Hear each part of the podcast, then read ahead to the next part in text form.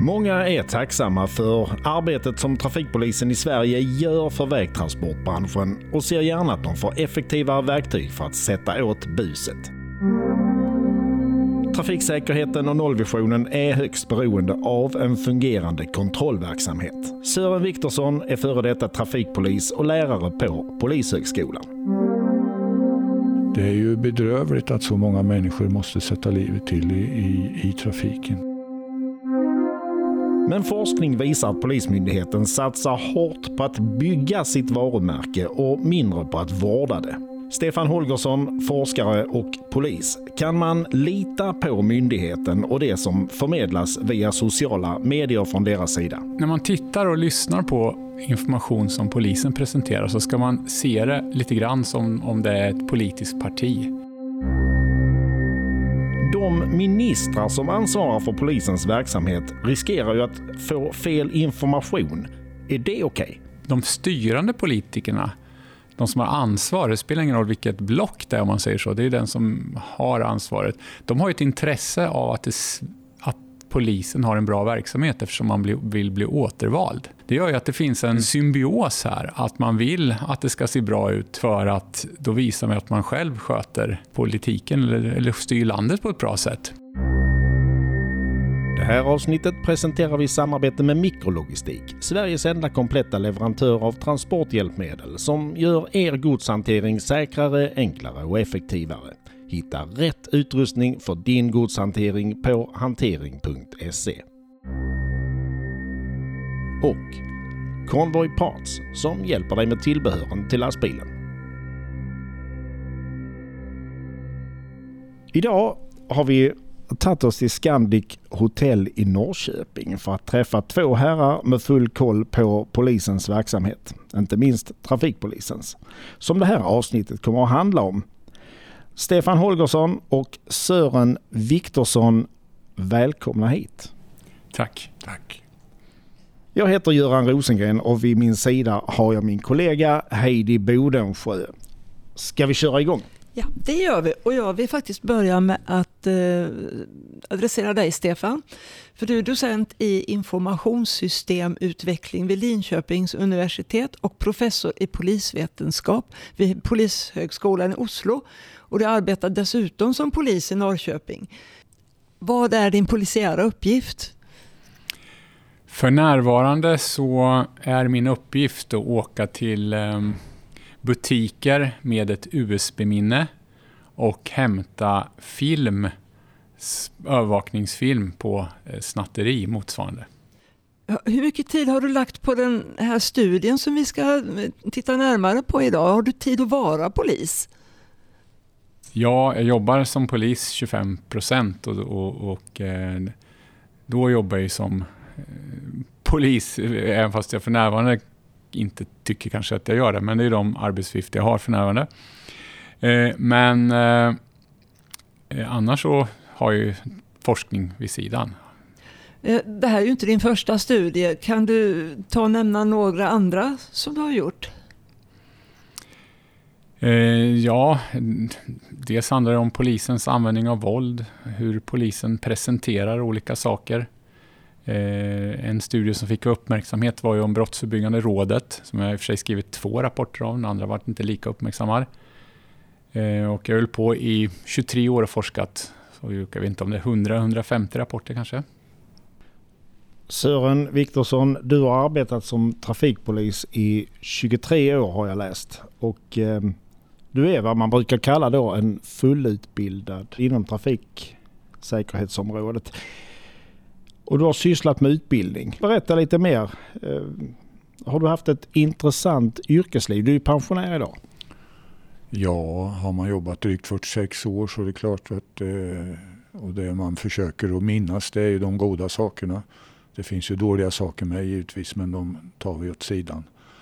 23 år vart det i, i praktisk eh, trafiktjänst då. och sen vart det ju sju år i utbildning på Polishögskolan med ansvar för eh, polisens samtliga trafikutbildningar. Då. Specialistutbildningar, inte grundutbildning. Som till exempel? Ja, det är flygande inspektion. Det var eh, mc-förarutbildningen. Eh, och eh, Flygande inspektionen var ju då uppdelad i två, två delar, idag är det tre. Då hette ju kurserna TRÖ 1 och TRÖ 2, det betyder trafikövervakningskurs 1 och 2.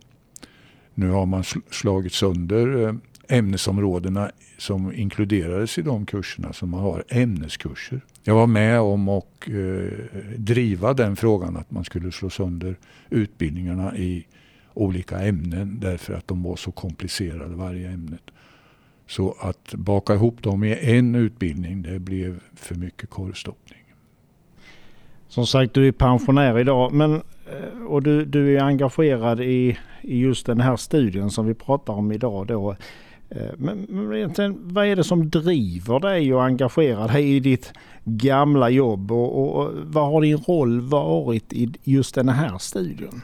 Ja, trafik är, är ju något som intresserar mig och har alltid gjort. Och eh, jag tycker det är jätteroligt att köra bil och motorcykel och så vidare. Det är en rolighetsgrej för min del. Sen ska det ju vara säkert.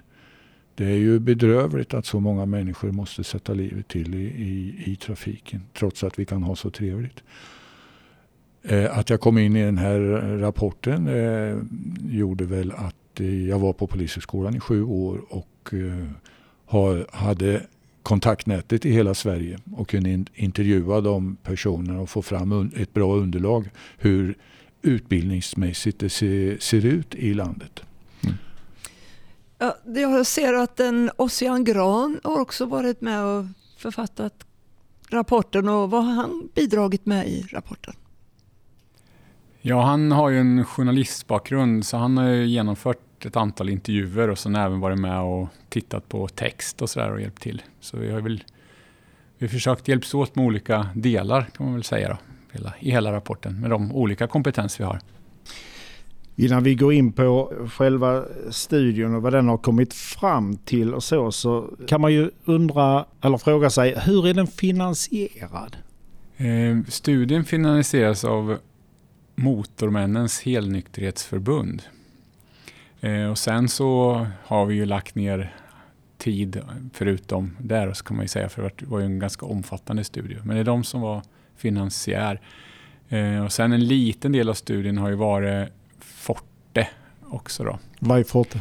Eh, ja, det är ett, en forskningsfinansiär och även Handelsbankens forskningsstiftelser också. För det var en del av studien som gick in i deras område, då, några, ett par kapitel som, som de berördes också. Då. Mm.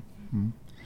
Varför har ni gjort den här studien? Ja, men, trafiksäkerhetsfrågor är ju, som Sören säger, en väldigt viktig fråga eftersom det dör och skadas väldigt många i trafiken. Och Sen finns det andra aspekter, exempelvis konkurrensaspekter och, eh, som är viktiga. Och, eh, det var ganska naturligt att göra en sån rapport eftersom det skrivs och har gjorts väldigt lite forskning på, på, på det här tyvärr. Och Stefan, du har gjort vad man kan säga flertal så att säga, poliskritiska studier. Vad tycker din arbetsgivare om sådana? Ja, alltså jag ser det egentligen inte som att det är poliskritiska. Eh, jag ser det som att man eh, gör studien för att förbättra polisen och då hittar man problem och att man på något sätt ska vara tacksam för att man hittar problem för då kan man också förbättra verksamheten. Men här blir det väl eh, en stämpel att de är poliskritiska, men jag får ju säga att jag är väldigt positiv till polisen, annars skulle jag inte vara kvar där. Och att jag är en, en, en positiv kritiker, om man skulle kunna säga så, en, en vän till polisen.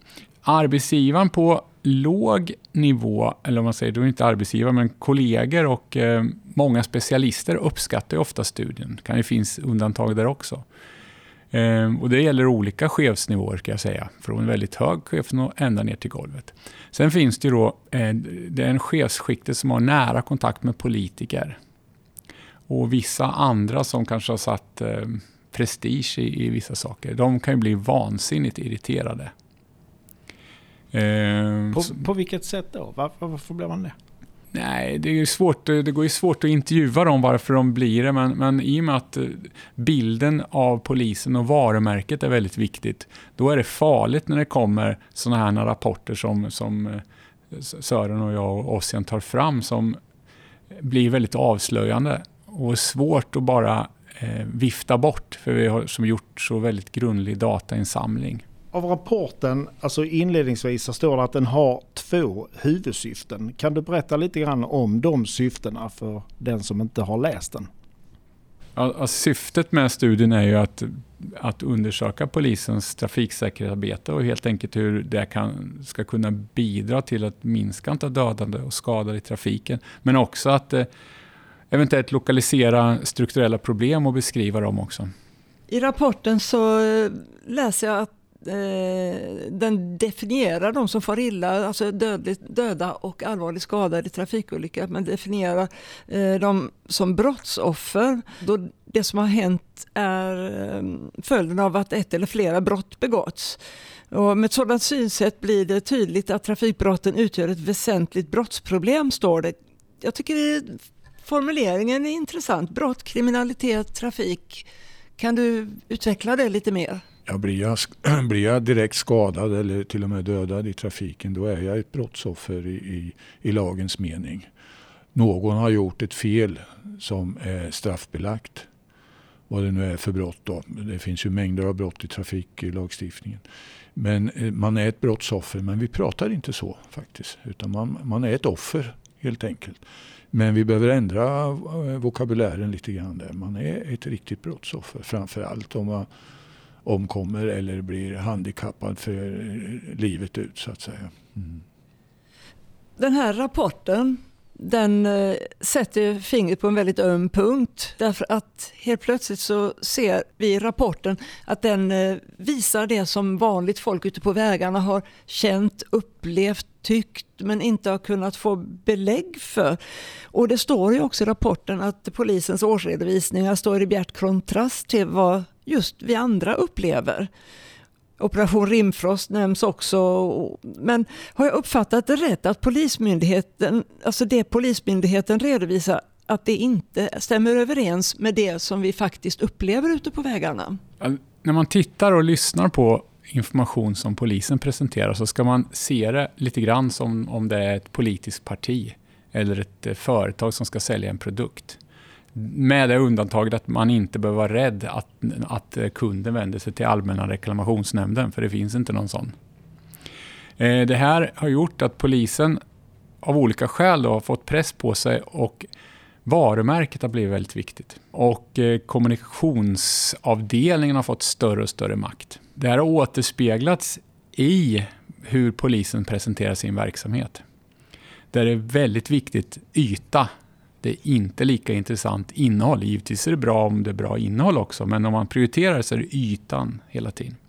Och det är ju någonting som, som Sören och jag Ossian har sett när vi tittar på trafiken. Att den bild som de presenterar på, i sin årsredovisning, som ett vanligt företag eller ett aktiebolag skulle bli stämda för om man har gjort på liknande sätt. Eh, man redovisar information på ett sätt så att den som läser det missuppfattar eller att det är direkt felaktigt. Kan du ge något exempel på till exempel inom yrkestrafiken där det finns avvikelser mellan rapport och verklighet? Och vad kan det leda till om man inte visar verkligheten? Hur, vad kan det, hur kan det påverka utvecklingen av trafiksäkerhetsarbetet? Om jag tar ett exempel då vad det gäller kontroll av eh, farligt godstrafiken så har vi ju ett, eh, ett minisiffra som man ska uppnå. Det är 7000 kontroller. Eh, och det har man aldrig klarat av att eh, genomföra 7000 kontroller. Man har aldrig gjort det alltså? Man har aldrig gjort som jag kan minnas och eh, var det 2012 13 någonstans då hade vi 10 000 kontroller. Och man klarar inte det heller och därför sänkte man måttet för att vi ändå ska uppnå det. Och det är ju minisiffror. Man borde ligga påtagligt högre. Men det man inte talar om överhuvudtaget, hur många brott träffar man på vid de här kontrollerna? Det borde redovisas för skattebetalarna. Och så är det för varje ämnesområde om vi tar kör och vilotider eller flygande inspektion. Hur många brott träffar vi på? Det samlas ihop i en klump och redovisas hur många ordningsbot man har skrivit. Och cirka 225 000 om jag minns rätt för 2020. I sammanfattningen inledningsvis eh, så står att rapporten indikerar att officiella yttranden och information från Polismyndigheten bör betraktas som en partsinlaga och inte som objektiv och saklig information. Eh, när man läser det här så kommer ju frågan då, ljuger polisen i sina officiella uttalanden? Varför ljuger man i så fall? Ja, ljuga, det, det, det, svåra är ju om man säger att någon ljuger, då ska man ju kunna bevisa att den personen ja, visste. Det, det är ett starkt ord. Ja, det är ett starkt mm. ord. Då. Men när jag tittat på hur polisen presenterar information så är det uppenbart att, eh, och det ska jag också säga efter intervjuat personer som jobbar på med kommunikationsverksamhet också, och med strategiska chefer, att varumärket är viktigt. Och då blir det viktigt vilken bild man får ut. Eh, och då kan man ju vrida lite på, på hur man beskriver saker. Så att ibland så kanske det inte eh, ska betecknas som ljug, fast den som läser det uppfattar det på ett visst sätt som inte stämmer med verkligheten. Plus att ibland så, så är det ju ihopbuntat och ihopklumpat och även i vissa yttranden som är felaktiga. Eh, och det här det, det är också ett demokratiproblem. Det, det, är också det att, för då får ju väljarna en uppfattning att polisverksamheten ser ut på ett visst sätt som den inte är också. Men menar du att man friserar verkligheten för att få den till att se ut på ett speciellt sätt? Eller alltså, hur, hur ska jag tolka det? Ja, man kan säga en frisering, en skönmålning, lite vrida lite saker, betona det positiva, inte skriva om det negativa, lyfta fram goda exempel hela tiden, vilket man inte ska göra. Men är det alltså, jag kan ju tänka mig om jag hade varit minister med ansvar för polisens verksamhet eller infrastrukturminister eh, eller en politiker överhuvudtaget och tar del av polisens presentation av det som de anser är verkligheten. Då kan jag ju tänka mig att med den förklaringen att man kanske inte riktigt får den sanna bilden och att jag då som medborgare kan tycka att en politiker är ju helt ute och cyklar. Om jag nu har lite grann kunskap mm. om det här ämnet så att säga. Jag är kanske yrkeschaufför eller jag är åkare. Ja, alltså ett problem här som man kanske missar också, det är ju att de styrande politikerna de som har ansvar, det spelar ingen roll vilket block det är om man säger så, det är den som har ansvaret. De har ett intresse av att, det, att polisen har en bra verksamhet eftersom man bli, vill bli återvald. Det gör ju att det finns en, en symbios här, att man vill att det ska se bra ut för att då visar man att man själv sköter eh, politiken eller, eller styr landet på ett bra sätt. Mm. Så att eh, de här, jag vet en rapport bland annat som de fick information om att det var felaktigt. Eh, alltså att visa på att poliserna presenterat på felaktigt sätt. Det var man ju... Lyssnar man, men man gjorde inget åt det. Och det är samma sak med den här och flera andra rapporter som jag har gjort. att ehm, Det känns problematiskt när man när ansvariga inte, inte tar polisen i örat, när man säger så. Eh, vi, JO anmälde faktiskt polisen för den här den här, det som står på kapitel 12 här och ville prova var går gränsen för att en myndighet inte är saklig och objektiv? Och där var det ganska intressant, för JO sa att det här är inget som JO tittar på, för det är inga människor som blir direkt drabbade av det. Eh, var deras svar. Då kan man fråga, vem ska kontrollera det här då? Om inte det är han. Det finns ju ingen annan att vända sig till när en myndighet, då, om man vill prova, är en myndighet saklig och objektiv. Och här tycker vi att det blir faktiskt människor som blir direkt drabbade mm. av att polisen, eller, ja, eller indirekt i alla fall, av att polisen inte presenterar en bra, eh, rättvisande bild som gör att man inte prioriterar trafikövervakning som gör att människor dör och skadas i trafiken. Så det är högst allvarligt, eh, de här bilderna som polisen levererar. Men JO, nej, inte titta på det. För jag tänker också på detta att när polisen vill ha mer resurser för att kunna öka numerären och satsa mer och om en polismyndigheten presenterar en årsredovisning som säger en sak som ser mycket bättre ut än vad den egentligen är, då blir det ju svårare för politikerna att motivera att vi vill lägga mer resurser här för att det behövs ju inte, det ser ju bra ut. Eh, har jag fattat det rätt? Ja, alltså, sen är det ju så här att det finns ju alltid... Eh, tittar du på polisen så vill de ju alltid ha mer pengar. Och det finns ju alltid områden som det går att fylla luckorna i. Och, men när, om man tittar på trafikområdet, då vet ju du Sören ännu mer, så att det blir ju som ett svart hål. Var hamnar egentligen de här pengarna? Eh, var, var, och då kan man se, tittar man på poliserna i Norrland, om man tar en helt annan sak var, eh, som eh, handlar om eh, hur många poliser det är på ytan. Så även fast man har skickat in mycket fler poliser, så blir det inte fler om man tittar, har det inte blivit fler om man tittar 30-40 år tillbaka. Då är det helt urfolkat på polissidan. Och tittar man på trafikfrågan så kan du, då vet ju du Sören hur det har sett ut på bakåt. Ja, bakåt i tiden. Det började ju skorras i leden redan i början på 90-talet.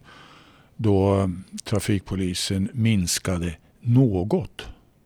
Och då tillsatte dåvarande regeringen Fridska utredningen. Eh, och eh, som sa då fanns det 1281 trafikpoliser i, i, i organisationen. Och jag, på, jag påstår att 80 procent var fullutbildade där. Sen har det successivt sjunkit hela tiden och ett flertal utredningar har kommit till fram till samma sak, att det minskar, det är svårt att rekrytera, det är kostsamt att utbilda. Men man har aldrig, man har aldrig vårdat den här kompetensen på något speciellt bra sätt. Utan det finns de som utbildar sig och man följer inte upp hur utbildningen eh, funkar rent praktiskt. En flygande inspektionsutbildning är rätt avancerad. Det finns signaler om att det är de som inte producerar en enda flygande inspektion på ett år. Och då eh, ska ju skattebetalarna betala det också. När vi pratar om antalet fullutbildade trafikpoliser så vet jag att du var lite försiktig i den här rapporten med att berätta egentligen kanske exakt hur många som finns idag. Men du har i alla fall en uppfattning Stefan. Va, mm. va, hur många trafikpoliser fanns det per definition Eh, eller rättare sagt eh, enligt din definition eh, den 1 januari 2020. Det är 283 exakta siffror. Problemet när man mäter en exakt siffra, att vi inte säger det, det är ju att den varierar ju hela tiden. Så det kommer ju aldrig vara en exakt, när vi mäter, vi kan ju inte ringa till alla exakt i samma sekund, utan det tar ju som Sören, tar ju ett tag, tag att ringa runt då. Så det blir ju en flytande siffra, men därför säger vi under 300. Men om vi skulle ta en exakt när vi hade ringt så var det 283. Men de 283 eh, som du säger då, är alla i tjänst? Nej, det är ju sådana som är det är sådana som finns liksom? Hela... Det är de som finns. En del av dessa går ju åt till eh, eh grundutbildningar och fortbildningar. Så de plockas undan från det praktiska arbetet ute på väg. Eh, den här siffran är från väl eh, vintern 1920. Idag är, har det sjunkit ytterligare, jag vet det. Och eh, då kan man ju naturligtvis som svar säga att ja men vi har fyllt på med nya människor. Ja, det är jättebra. Men det tar, som vi uppfattar det, upp till tio år att bli utbildad och dra på sig erfarenhet så att man är en god trafikpolis på väg.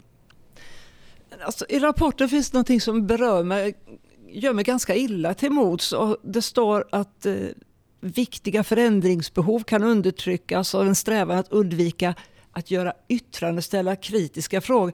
Alltså man vill inte störa eventuella möjligheter att kunna påverka genom att, om man skulle då kritisera polisen. Va?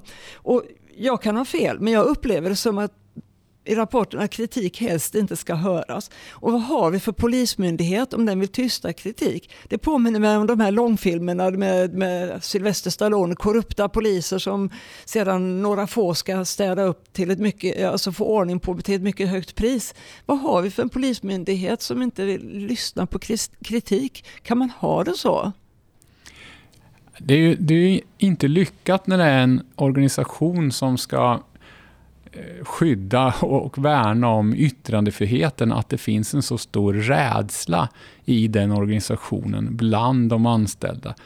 Det här är ju är också något som kanske man eftersträvar på sätt och vis. För om, man, om det var så att personalen kände att det var väldigt lätt och att uppskattas om man kritiserar, så hade det varit väldigt mycket svårare att bygga de här bilderna av polisen. Det hade varit väldigt mycket svårare att bygga en fasad om man hade en öppen organisation. Eh, så att eh, jag kan nog se att det, att det är bra för Polismyndigheten när man har intresse att bygga fasader. Att eh, ha en rädd personal som inte säger att men hallå, så här ser det inte ut. Vi hinner ju inte med det här. Eller det här går inte bra. Ni skriver i den här eh, eh, rapporten att om Polismyndighetens oförmåga inom trafiksäkerhetsområdet fortsätter bör våra politiker överväga att överföra uppdrag och resurser till någon annan aktör än Polismyndigheten. Och det pratas ju faktiskt sedan en tid tillbaka från en hel del andra håll om eh, alltså just det här om att omorganisera kontrollverksamheten. Varför gjorde man inte det i samband med den stora omorganisationen av Polismyndigheten för några år sedan? Vad är, vad är era tankar om det? Jag tror att eh, många trafikpoliser då såg fram emot en omorganisation. Äntligen får vi en nationell trafikpolis.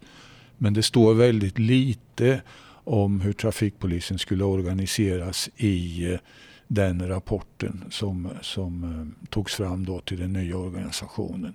Det man skrev var ju att det skulle vara en eh, regional enhet.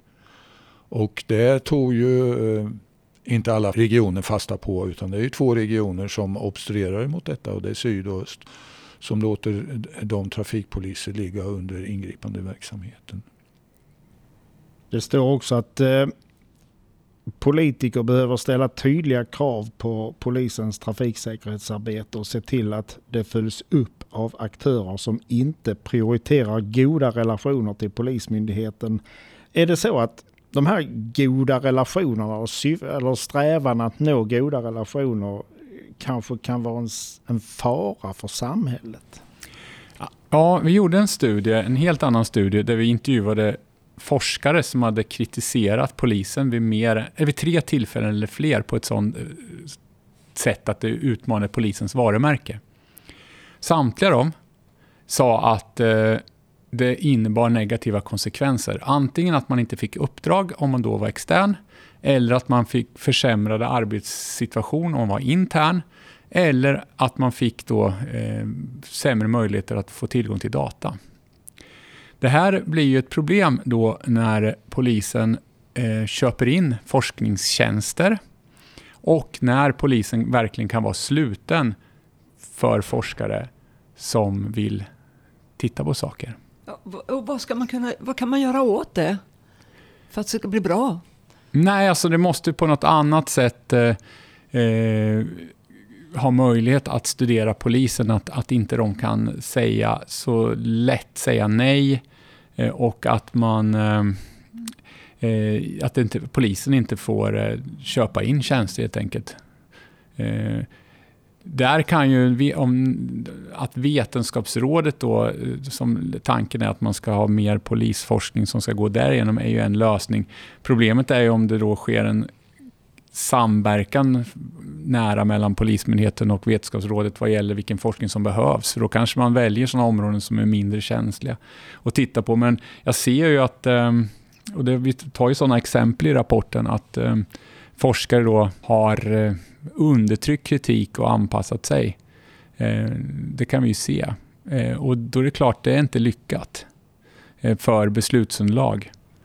Vad kan det innebära i praktiken? Nej, att man eh, håller fast vid en metod som inte fungerar. Eh, att man, människor dör och skadas i trafiken i högre utsträckning än som vore fallet om man verkligen kunde lyfta fram vad, hur problemet ser ut. Och att polisen kan fortsätta att göra på samma sätt där man inte ifrågasätter det. För att man är rädd om relationen för nya forskningsuppdrag och tillgång till data. Så det är klart, det, det blir en slags, det är kanske starkt att säga, men det blir en slags korruption om man nu skulle titta på det så. Eh, men det blir, blir, lite starkt att säga det, men ändå det, när man då gör en sån värdering. Och när polisen så tydligt straffar men forskare som eh, inte följer normen. Det gäller, kan även gälla journalister ska jag säga. Det är, det är väldigt allvarligt egentligen i en rättsstat som Sverige kan jag tycka. Ja, alltså, som tur är så är det, finns det väldigt mycket bra poliser. Men vad händer när, man, när, när det rekryteras, som det har sänkts kraven till polisutbildningen, vad händer när det kommer in fler som kanske, ja, fler som inte är bra, om man säger så? Då, då börjar det bli ett problem. Ja, alltså, sen- jag känner ju också att man kanske på något sätt, i synnerhet när man får ta del av den här typen av rapporter som ni har gjort. Du pratar om att vårda varumärket. Hur kan det här drabba eh, varumärket? Jämfört med den stora organisation som polisen är och hur, hur, hur, hur stark man är att föra ut budskap så får ju inte en sån här rapport ett så stort genomslag att det gör så mycket för polisen. Man kan vifta bort det och säga att man blir 10 000 eller att man ska se över en sak eller prioritera en sak. Man har en kommunikationsstrategi och ett strategi för att undertrycka kritik.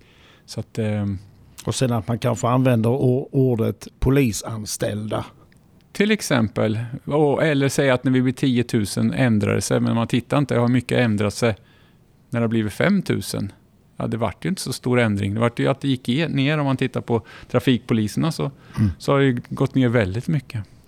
En fråga här med, när det gäller uttrycket polisanställda. Kan det även eh, gälla en, eh, en person som sitter i en växel som tillhör Polismyndigheten? Mm, absolut. Så att eh, de alltså räknas in som polisanställda. Man bör, först pratar man om poliser. Sen har det förskjutits. Så nu bör man prata att man ska bli 10 000 polisanställda. Och det är en väldig skillnad. Ja, det är klart det är. Alltså, givetvis kan polisanställda, oavsett vilken roll de har, göra bra saker. Men, men, och sen finns det ju bilinspektörer som, som, som till exempel som, som är duktiga. Men eh, vissa saker är ju svårt för andra än just Och poliser göra. bilinspektörerna de är civilanställda. De är alltså Ja. inte poliser. Nej. Nej, precis. Sören? Sen har vi ju begreppet trafikpolis som vi använder väldigt ofta. Mm. Det begreppet är ju snart borta om vi inte ska ha eh, utbildade poliser utan att alla poliser jobbar med trafikbrotten. Eh, och det kan man göra i viss mån, alltså med nykterhet och, och droger och eh, viss mån Hastighet. hastighet. hastigheter och Ja. så vidare. Mm. Men de svåra trafikbrotten, då är man specialistutbildad. Så själva specialistenheten traf- i, i ordet trafikpolis är snart utsuddat. Men om vi tittar historiskt, eh, trafikpolisen, var det då de eh, som, som kontrollerar hastighet, de kontrollerar nykterhet och, och så vidare, alltså de här beteendebrotten och, och så vidare. Men att man idag kanske har fått, eh, vad ska man säga, en vanlig allmänpolis, en IGV, kan gå ut och ställa sig med en laser idag och att man från Polismyndighetens sida kanske har sett en anledning där att dra ner på personalstyrkan på trafikpolisen. Kan, kan det vara en förklaring? Det kan det säkert vara. Alltså första, om jag minns rätt, första januari 85 så eh, blev det en förändrad i organisationen. Då fick Länsstyrelsen lämna ifrån sig ansvaret för trafikpolisen. Var det de som man kallar för länstrafik? Då var det länstrafikgrupper ja, och eh, lokalt kunde det finnas trafiksektioner. De slogs ihop och så eh, bildades trafikpolisen. Och eh, nu minns jag inte riktigt hur, hur många människor det var just 1 januari 85, mellan 14 och 1500 om jag minns rätt. Och sen på 90-talet som jag nämnde så, så hade det minskats och då var det en oro hos politikerna faktiskt. Det var det? Ja. Hur, hur uttryckte den sig? Ja, det, man tillsatte den här utredningen, Fridska utredningen, som, som talar om då att eh, 10 procent av poliserna bör vara trafikpoliser. Vi var inne på det innan. Eh, vi pratade om att trafikpolisen blir allt färre och du Sören, du nämnde också hur lång tid det kan ta att bli fullutbildad trafikpolis. Vi var inne och petade på eh, det här med hur många trafikpoliser vi har i Sverige och eh, om vi bestämmer oss för att antalet är under 300. Har ni fått höra från något håll att ni är ute och cyklar, att ni har fel uppgifter? Nej, det har vi inte hört, men det kan säkert vara någon som, som säger, för ibland så avfärdas ju budbäraren med eh, sånt. eh, Men vi har ju begått underlag så att vi är inte så oroliga för, för det. Någon får gärna bevisa att vi har fel siffror, bara det är fler trafikpoliser. Men eh, jag vet att det inte är så. Det har blivit färre sedan vi räknade.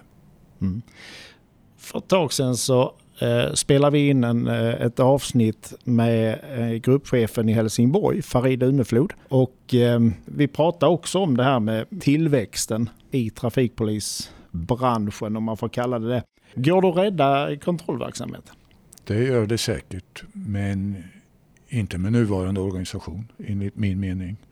Det krävs en organisationsförändring eh, och det krävs att eh, de som leder detta har kunskap i, i ämnet och kan leda detta. Har de kunskapen och finns viljan kanske först och främst? Viljan kan man bli påtvingad från politiskt håll men kunskapen finns inte i ledningsfunktionerna idag. Vi fortsätter diskussionen med Sören Viktorsson och Stefan Holgersson i det här avsnittet som vi presenterar i samarbete med Mikrologistik. Sveriges enda kompletta leverantör av transporthjälpmedel som gör er godshantering säkrare, enklare och effektivare. Hitta rätt utrustning för din godshantering på hantering.se. Och Convoy Parts som hjälper dig med tillbehören till lastbilen. Jag tänker på det här, den här rapporten nu. Den, eh, den skulle jag väl om jag var polismyndighet kännas, att den känns som en käftsmäll mer eller mindre. Hur har Polismyndigheten tagit till sig eh, det som finns i rapporten? Har de påbörjat något förändringsarbete? För de en dialog med er och har de reagerat? Eh, när det gäller då rapporternas genomslag så är det lite intressant då, för det är väldigt ofta som det är verksamhetsexperter som använder sig av rapporterna. I det här fallet så har ju rapporten använts på utbildning inom polisen.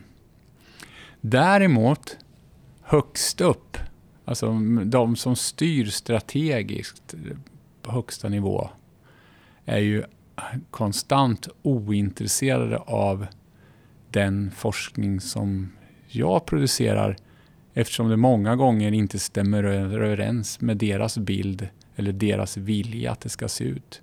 Så då lägger man inte ner någonting, man är inte intresserad av det överhuvudtaget. Då tänker jag, hur har det gått så illa inom myndigheten? Eller har det funnits en tid när det var på ett annat sätt bättre eller kanske sämre?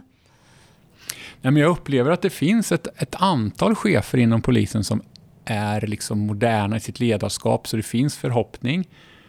Men än så länge är det gamla gardet, om man kallar det för det, som har eh, greppet över, över polisen. Där eh, kunskap som inte stämmer överens med sin egen eh, kunskap eh, förkastas. Och så, då lär man sig inte så mycket. Nej, jag tänker många gånger inom just den här verksamheten eller inom Polismyndigheten så brukar man prata lite slarvigt om karriärare. Alltså att de som vill göra karriär inom Polismyndigheten, kan de sälja sig? Ja, alltså det är uppenbart. Och sen är det ju ett annat problem med nuvarande myndigheter. Förut så fick man chefspositioner som man hade ganska lång tid. Det kunde ju vara ett problem när det var slöa och dåliga chefer. Problemet nu är ju att man får de för, förordnade som är korta. Att då gäller det ju att visa upp sig. Då kan man inte ta den här konflikterna riktigt. Och då blir det man en rädshågsen organisation eh, på chefsnivå. Eh, där man måste på något sätt vara tillmötesgående och eh, anpassningsbar och inte sticka ut. Du får ganska likformiga individer jämfört med tidigare. Då man hade mer original kan man väl nästan säga. Jag har hört ett uttryck eh, som säger att i en grupp där man tänker lika tänker man väldigt lite. Ja, åtminstone så tänker man ju... man kan nog tänka mycket men det är lätt att tänka att man missar vissa perspektiv som gör att man tänker lite på de perspektiven egentligen. Eh, group thinking brukar man ibland kalla, brukar ibland benämnas som då att man inte har någon djävulens advokat som säger att ursäkta, men hur tänker ni nu? Och det skulle vara väldigt bra om polisen hade sånt intresse. Nu är det inte så att i alla ledningsgrupper är tyst, utan det förs ju en diskussion också givetvis. Eh, jag tror ändå att den här rapporten har läst eh, hos högsta ledningen för den finns omnämnd i eh, tillsynsrapport 2021 kolon 1 som kom på nyåret och där är den omnämnd så den måste ha läst i, i, i den högsta hierarkin. Det är ingen som kan skylla på att de inte har sett den alltså? Borde inte vara så. Nej, det är frågan om de har läst den eller om det är tjänstemän lägre ner som har refererat till den. Så kan det vara. Så, det, det ju, men däremot om man säger samverkan med oss är ju noll. Det är ingen som har ringt så här, intressant rapport eller från hög ledningsnivå. Det skulle vara intressant att höra lite mer och berätta hur, hur kan vi bli bättre och hur ser ni på det här? Det är aldrig något sånt. Det är inte så alltså. För att om jag inför det här avsnittet så jag googlar lite grann extra utöver vad jag har läst. Mm. Och, och vad jag har förstått så dina studier från allra första början, de välkomnades väl egentligen av Polismyndigheten men att det har ju förändrats på, eh, alltså, genom åren. Är jag rätt på det? Nej men det stämmer. Det var de första tre, fyra åren så, så gick det bra ur den aspekten. Sen kom det en rapport som på något sätt, som jag tyckte var ganska oskyldig faktiskt. Jag fortfarande tycker det. Eh, där jag redovisade, eller analyserar juristernas sätt att, att tolka gällande rätt. Eh, och där på något sätt vart det en skärning då, där, där Polismyndigheten inte ville att den här skulle publiceras. Och jag naivt då tänkte jag, men jag måste ju publicera det jag kommer fram till. Vilket var ett stort misstag om man tänker på det vart en, ja, framtiden, om man säger. Det vart en vattendelare där. För när jag läser den här rapporten, sida efter sida, alltså det, jag sjunker genom jorden, jag blir arg, jag blir besviken. Och alltså, nu, när man då läser svart på vitt att man, sånt som vi har då anat och nu får man det på skrift. Då. Och blir svenska folket lurade? Lurar vi EU? Var går gränsen för hur mycket som kan förskönas? Och finns det en bristningsgräns när allt det här kanske bara imploderar och går det sedan att återupprätta detta? Jag tror att det är den stora risken. Än så länge så har åtnjuter ju Polismyndigheten ett väldigt stort förtroende generellt sett. Och det, det, är väldigt viktigt i en demokrati att man har en polismyndighet som har förtroende. Och det är viktigt liksom att det är en viktig sak för polisen att sträva efter. Men det vi kan se, och det är därför jag är så orolig för det, det är att när, när verkligheten skiljer sig väldigt mycket från bilden så finns det ibland ett ännu större behov att eh, ta avsteg från verkligheten. För då blir det ju, kommer man inte till rätta med problem och då blir problemen ännu större och då finns det ännu viktigare att presentera en tilltalande yta. Till slut, om människor och allmänhet ser vad polisen gör och förstår att det polisen säger, är det rätt? Alltså börja ställa sådana frågor så kan det få en överspridning till andra saker som polisen verkligen inte alltså man är korrekt med. Och då, har vi, då är det farligt. Eh, och det där är jag väldigt orolig för. Det är därför det är så viktigt att ta tag i det, att det här inte får utvecklas ännu mer, för det håller på att eskalera. Eller har eskalerat de sista åren kan man säga har polisen fått eh, alltså lite mer sån här, man säger företagstänk? Att man ska marknadsföra sig och, och, och liksom vara lite mer, eh, vad ska man säga, företagsmässiga i sin kommunikation. Jag tänker kanske mest då på att man är väldigt eh, duktiga på att marknadsföra sig via Facebook till exempel. Absolut, man har ju 250 konton på sociala medier, man har väldigt mycket följare och ser det som väldigt positivt. Och det är bra för polisen att få ut sina budskap där givetvis. Problemet är om det bara blir de positiva budskapen som förs ut och inte det som kanske inte som fungerar så bra. För då blir det ju liksom en, en bild som inte stämmer med hur det ser ut. Och då blir det också svårt att ha incitament att, eller vilja åtgärda problem. Eh, så att ja, polisen är en organisation som strävar efter att ha ett gott varumärke och gör avkall på objektiviteten och sakligheten. Så är det nu och jag hoppas att det kommer ändras, men som jag ser går det i fel riktning. Inte jättesnabbt, men takten har ökat. För någonstans så skiljer ju sig ändå polisens sätt att marknadsföra sig mot, mot den privata sektorn, om man säger som vi då på tidningen. Mm. Att eh, om vi marknadsför oss eh, vad ska man säga, på falska grunder att vi kanske skriver artiklar som saknar bärighet i, i verkligheten och så här, då hade vi ju inte blivit speciellt långlivade. Men på något sätt känns det ju ändå som att polisen är immun mot det här. Ja, jag brukar ju säga eh, Svensk polis är Sveriges bästa polis. Eh, och, eh, och Sveriges enda polis också. dessutom. Vilket gör att man har inte så mycket valmöjligheter. Men det här, jag, jag är orolig för vad som kommer hända. man ser ju också på de här som Sören brinner för med trafiksäkerhet att eh, när man gör på det här sättet, till slut upptäcks det ju. Och det kanske blir så att verksamheten lyfts från polisen. Du skulle säga något Sören så jag räckte upp handen. Ja, jag, jag tänkte jag skulle säga innan här, man får ju som enskild polisman inte glömma bort vem, vem är det jag tjänar? Jo, allmänheten. Vem är det som betalar mig? Även om det är lite så är det allmänheten. Skattebetalarna ska betala mig. Och det är dem jag jobbar åt.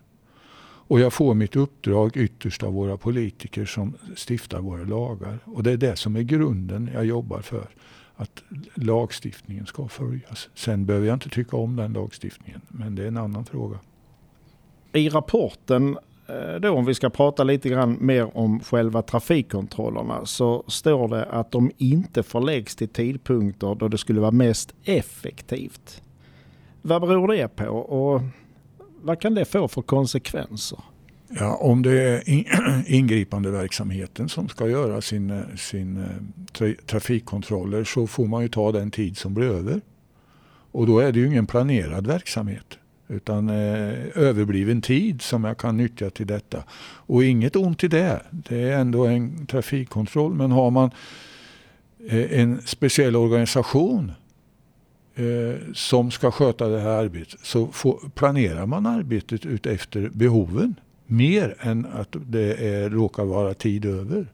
Och, ha, och är behoven så att säga, då åker jag till de platser där jag har, eh, har kunskap om att här finns behoven än att eh, ställa sig utanför polisstation och göra sin kontroll. Och det kan variera över landet naturligtvis, alltså geografiskt? Självklart mm. är det så. Mm. Mm. Sen är det också sättet att mäta, att eh, man mäter väldigt kvantitativt och inte kvalitativt. Vilket gör att det blir antal rapporter, antal utandningsprov som eh, har Eh, man har fokuserat på. Sen tog man bort då att, att man såg det som något fult att mäta antal. Och man tog bort sådana krav, vilket gjorde att då sjönk det jättemycket. Men man ser inte att man måste givetvis mäta saker och antal är en variabel. Men det är också kvaliteten, var, när och hur gör man sakerna. Men det här har ju ändå varit en, en fråga som har varit aktuellt hela tiden. Alltså ifrån trafikanternas sida och kanske då yrkestrafiken då så har man ju pratat om det här man kallar för pinjakt. Och det har ju polisen förnekat i all evighet. Man har aldrig erkänt att det har funnits pinjakt. Har den funnits eller har den inte funnits? Ja, men till och med justitieministern har ju faktiskt gått ut och sagt att pinjakten måste upphöra. Eh, så, så att det är klart att det har funnits en pinjakt. Men, men eh, annars behöver den inte upphöra. Eh, däremot så, så har ju det här varierat lite och det vi pekat, eller vi säger ju också att, att om man, man kan inte bara ta bort mät, mätningar, alltså det är viktigt också antal. Men det måste till andra variabler också. Det är ju inte svårt att mäta det. Eh, det går ju att mäta vad sker olyckorna, var, vad beror de på och sen se vad sker kontrollerna i tid, rum. Och, eh, och den stämmer ju väldigt dåligt. I princip så står man ju ofta på samma platser på samma tider, precis som Sören säger, beroende på att man just då har tid. Och då kan det bli som det står i rapporten, att man åker tio minuter från polishuset. Ja. Istället för kanske åka en och en halv timme där man vet att det är vanligt att man kör på fyllan till exempel. Så, så blir det ju. Det blir, natur- det blir rationellt från polisernas sida som ska lösa två saker samtidigt på något sätt. Jag tänker på det här nu med trafikkontrollerna. Och, eh, Helsingborg visar ju rapporten för data styrker det att de är de bästa på att upptäcka olagliga transporter. Och de har ett fantastiskt stort flöde förbi Helsingborg på E6 med 40 till 50 000 fordon per dygn. Ändå minskar antalet kontroller. Eh, från 2019 till 2020 har det minskat med 20 procent. Och en trafikpolis säger så här att trafiken har ökat stadigt medan antalet specialiserade trafikpoliser minskat till en tredjedel jämfört med 15 år sedan. Då tänker man på det när man eh, minns, att antalet kontroller minskar. Nu har vi fått EU har ju kommit till och eh, ett regelverk där EUs och de nationella regelverken ska flätas in. Och nu kommer mobilitetspaketet och sen tänker jag på fordonen blir mer och mer komplicerade och vi har ju en mycket stor andel, som vi uppfattar det, utländska aktörer som är väldigt synliga på våra vägar och med dåliga språkkunskaper. Är det sådant som kan göra att eh, det påverkar att det tar längre tid att göra kontrollerna? Att man har den här ständiga kommunikationen med utlandet, att det går inte med en gång att få böter och sanktioner och sånt? Ja, självklart är ju språkförbistringen är ju eh, något som gör att kontrollerna tar längre tid. Det är ganska naturligt. Eh, och eh, är jag polisman och ska göra kontroll av, eh, av ett eh, yrkesfordon eh, så tar ju det tid. Det måste få ta tid. Jag vet inte vad jag ramlar på. Och, och, har jag då en annan arbetsuppgift bredvid mig, en ingripande uppgift, jag kan inte ta mig an en, en, en yrk, yrkeskontroll. Jag vet inte var jag hamnar. Det kan ta flera timmar. Även om man nu säger mot eh, åkerinäringen att en, en, eh, en mindre kontroll ska inte ta speciellt lång tid. Men ramlar jag då på eh, grava brister eh, i, i eh, den här transporten, ja då får det ju ta den tid det tar. Och i, i, värsta fall så blir ju chauffören inlåst. Han blir, han blir gripen och anhållen för att kunna utreda detta. Eh, om det är en än från eh, utlandet med, med eh, felaktig transport så att säga. Det kan ta väldigt lång tid och då måste man ju ha den kompetensen även på insidan av, av eh, verksamheten. Att vi har utredare som kan ta hand om det här. Och det är ju nästa brist i, i eh, organisationen. att Det finns signaler runt om i landet som säger det är meningslöst att skriva en brottsanmälan. Därför är det ingen som kan ta hand om den. Det finns inte förundersökningsledare som har kompetens inom detta område och än mindre utredare att ta hand om det.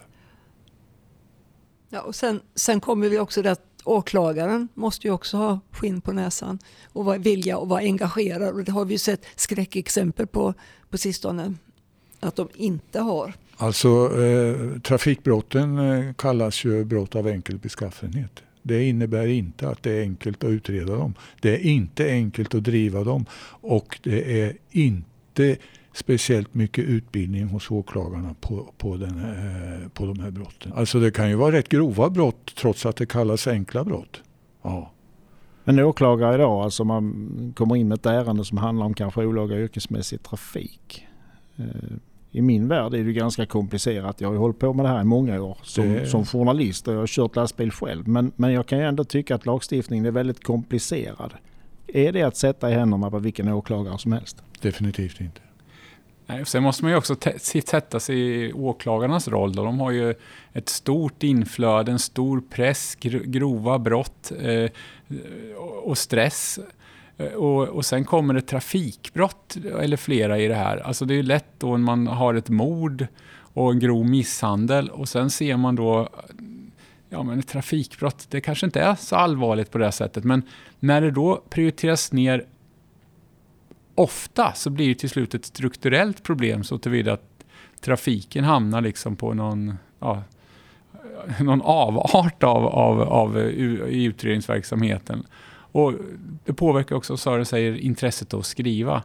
Men vi har ju en lagstiftning där vissa saker är förbjudna och då kan man ju inte i praktiken göra så att, att man kan begå viss brottslighet utan att det är någon, någon risk egentligen att åka dit.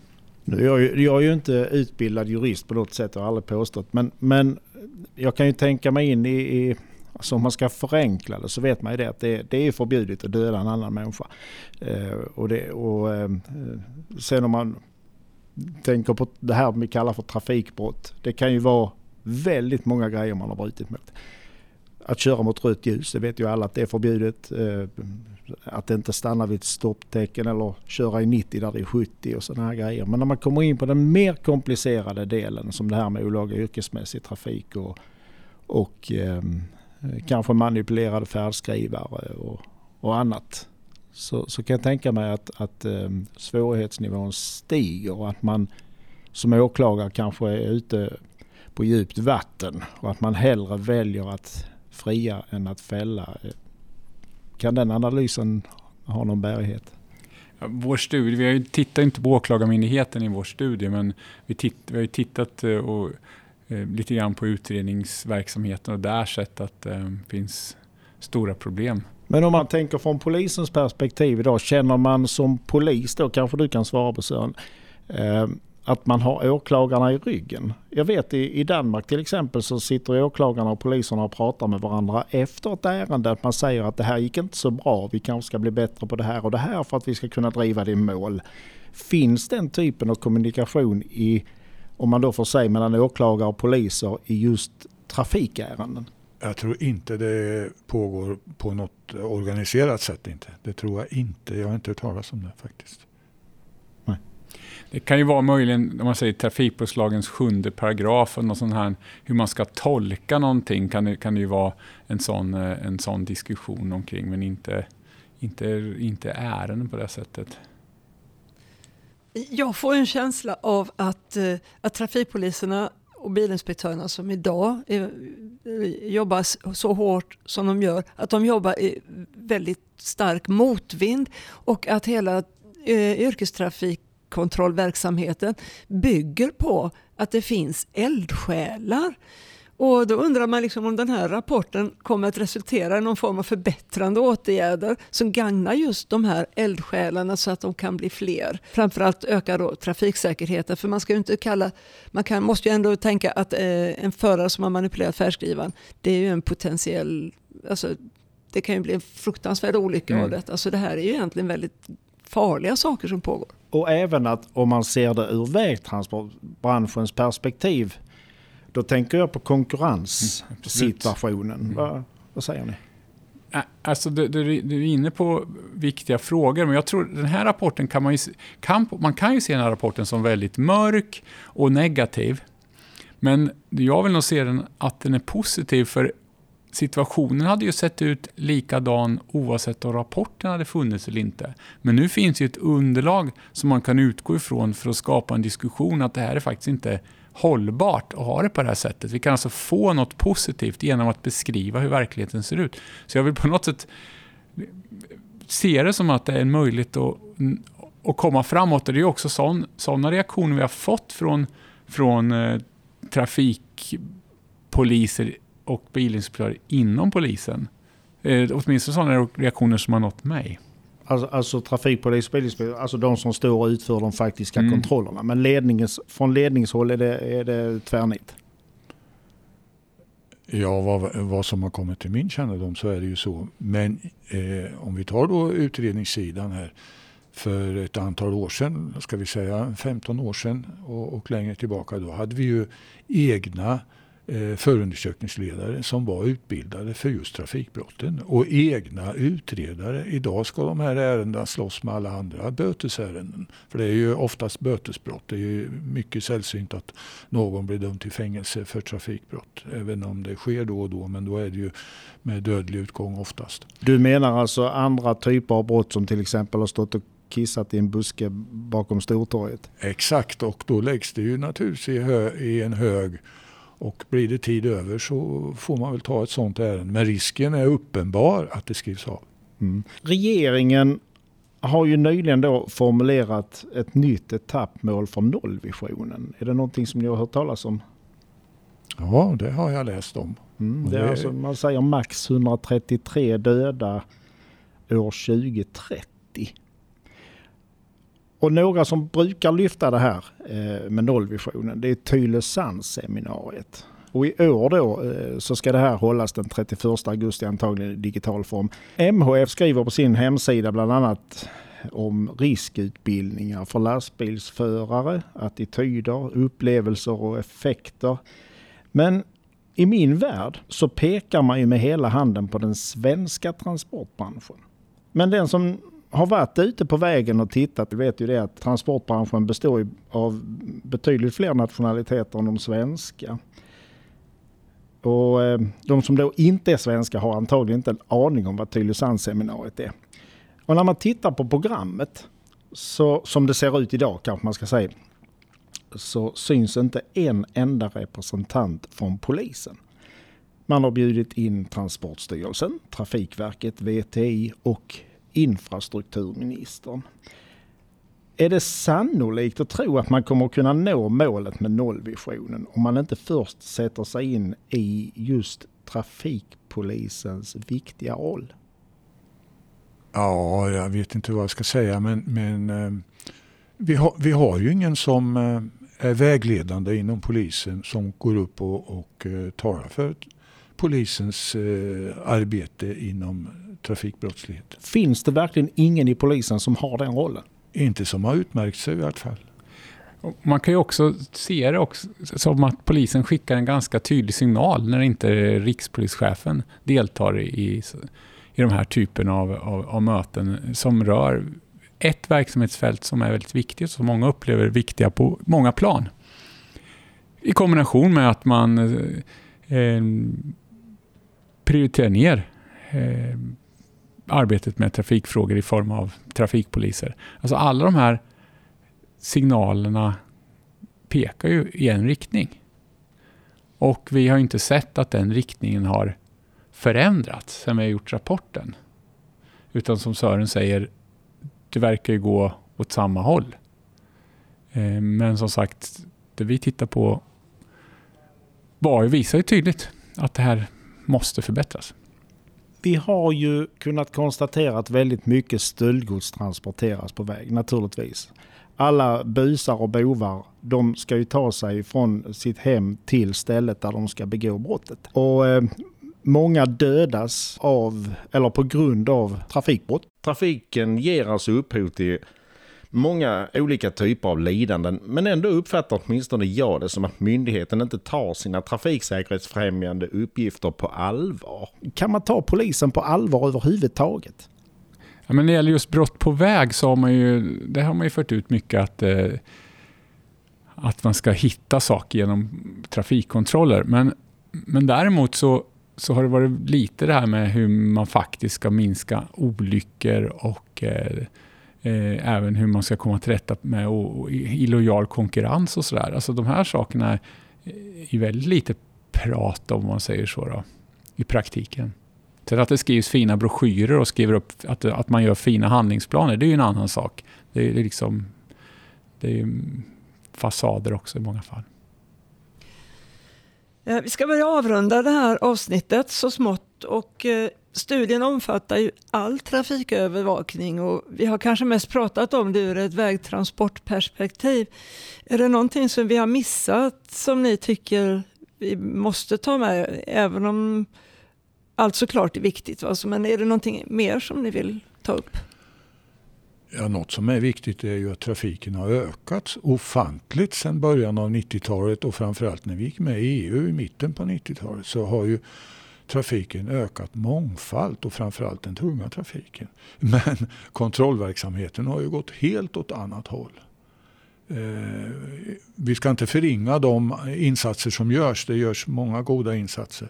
Men, men eh, planeringsmässigt, organisationsmässigt så har, eh, är det ju en, man ska inte ta ordet katastrof, men det är väldigt urvattnat mycket urvattnat. Vi har ingen ledning som kan leda detta. Vi har inga chefer som kan styra och ställa. För det de har i sin, i sin eh, ryggsäck det är ju att det har misskötts. Och det är normen idag. Eh, ja, en annan sak som jag tycker är viktig att föra fram det är ju att trafikfrågor är något som berör människor väldigt mycket. Alltså det här eh, om man känner trygghet och, hur, och, och, frustration i vardagen är ju många gånger eh, trafikfrågor i, i ditt bostadsområde och, och, liknande. Och här är det ju ganska tydligt, eller det är väldigt tydligt ska jag säga i rapporten, hur, hur stora områden i princip saknar övervakning. Om man tittar på på kartbilderna som vi visar hur många bötesbrott som utfärdas för vissa vissa områden så är det ju noll eller nästan inga. Det är helt tomt. Och tittar man på platser, även så stora orter som Norrköping eller hyfsat stora och Linköping och väljer ut vissa problem så det är klart att polisen jobbar så lite med trafikfrågor så det kan ju inte påverka den här vardagen som många upplever som problematisk. Och det här, det här är inte heller bra. Det är en annan sak än yrkestrafik, men det här är ju liksom människors trivsel när det gäller att stanna vid övergångsställen, när det gäller krossar, mopeder trimmade, när det gäller folk som kör väldigt fort. Även när det gäller rattfyllerier som en del känner till då, som, som kör om och om igen. Det här släpps ju. Eh, kan, visar ju. Det här är också något som, som jag tycker är något som Jätteproblematiskt. Men för att eh, bara nämna en sak som måste göras, alltså som är akut. Vad är det som kan lösa det här problemet överhuvudtaget?